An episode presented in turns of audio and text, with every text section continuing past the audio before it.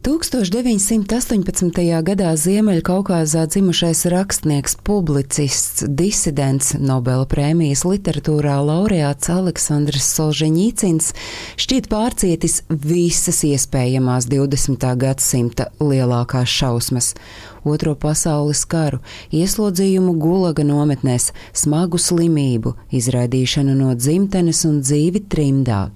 Kara laikā viņš bija padomju armijas virsnieks, viens no tiem, ar kuru rokām un asinīm sakauta Vācija Pateicības vietā viņš no Staļina režīma saņēma arestu par pretvalstisku propagandu, izsūtījumu un ieslodzījumu darba nometnē. Un ir jābūt ļoti stipram cilvēkam, lai pārciestu šādu netaisnību bez ieslīgšanas aklā naidā. Solžiņīcina pirmo stāstu Eš Čē 854 jeb viena diena zeka dzīvē, kas saskanēja ar tā brīža komunistiskās partijas nostāju, publicēja žurnāla Novī Mir 1962. gada 11. numurā ar nosaukumu Viena diena Ivana Deņīsoviča dzīvē. Tas izraisīja lasītāju interesi un autors kļuva par kulta rakstnieku visā Padomju Savienībā. Kad dažus gadus vēlāk pie varas nāca Brežņevs, Solžiņicins krita nežēlistībā.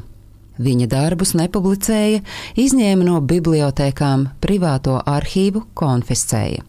Kad Solžiņicina grāmatas tika aizliegtas, bet aizliegtais auglis vienmēr ir tas saldākais, grāmatas sāka lasīt pat tie, kam līdz tam nekad nebūtu ienācis prātā paņemt Solžiņicina rakstīto savās rokās. Autors nostājās varas opozīcijā, sāka rakstīt kritisku publicistiku, vēstules, kurās protestēja pret cilvēktiesību neievērošanu, Atklātās vēstules mašīna rakstā izplatījās pa visu padomju savienību un aiz tās robežām.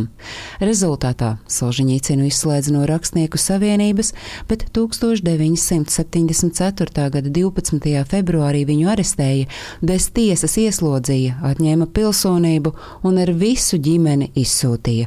Sākumā viņš nonāca Rietumvācijā, tad pāris gadus padzīvojis Šveicē, pārcēlās uz dzīvi Amerikā. Starp citu, termins gulaks pasaulē kļuva pazīstams pateicoties Solžiņīcinam, pēc tam, kad 1973. gadā Amerikā publicēja viņa darbu Gulaga arhipelāgs. Lai arī trimdā viņš ieguva visu, par ko var sapņot - slavu, bagātību, brīvību, taču viss, par ko viņš sapņoja, bija atgriešanās dzimtenē. Un 1990. gada 16. augustā ar PSRS prezidenta Mihaila Gorbačova rīkojumu viņam atjaunoja pilsonību, oficiāli atsauca izvirzītās apsūdzības un viņš atguva tiesības publicēties Krievijā.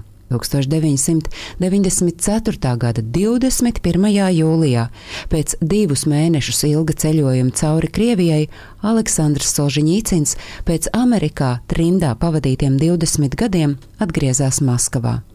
Atgriežoties Krievijā, viņš vīlās pirmā Krievijas prezidenta Jeļcina darbībā, atteicās pieņemt viņam piešķirto ordeni, bet pret Jeļcina pēcteci Putinu, neraugoties uz viņa saistību ar VDK, Solžiņīcins esot izturējies labvēlīgi.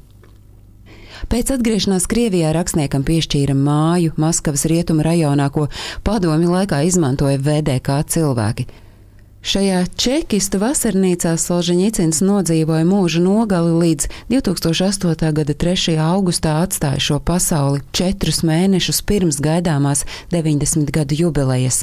Rakstnieku apbedīja Donas klostera kapsētā, vietu viņš bija izvēlējies pats dažus gadus pirms savas nāves, jo tur Staļina režīma laikā apglabāja represiju upurus.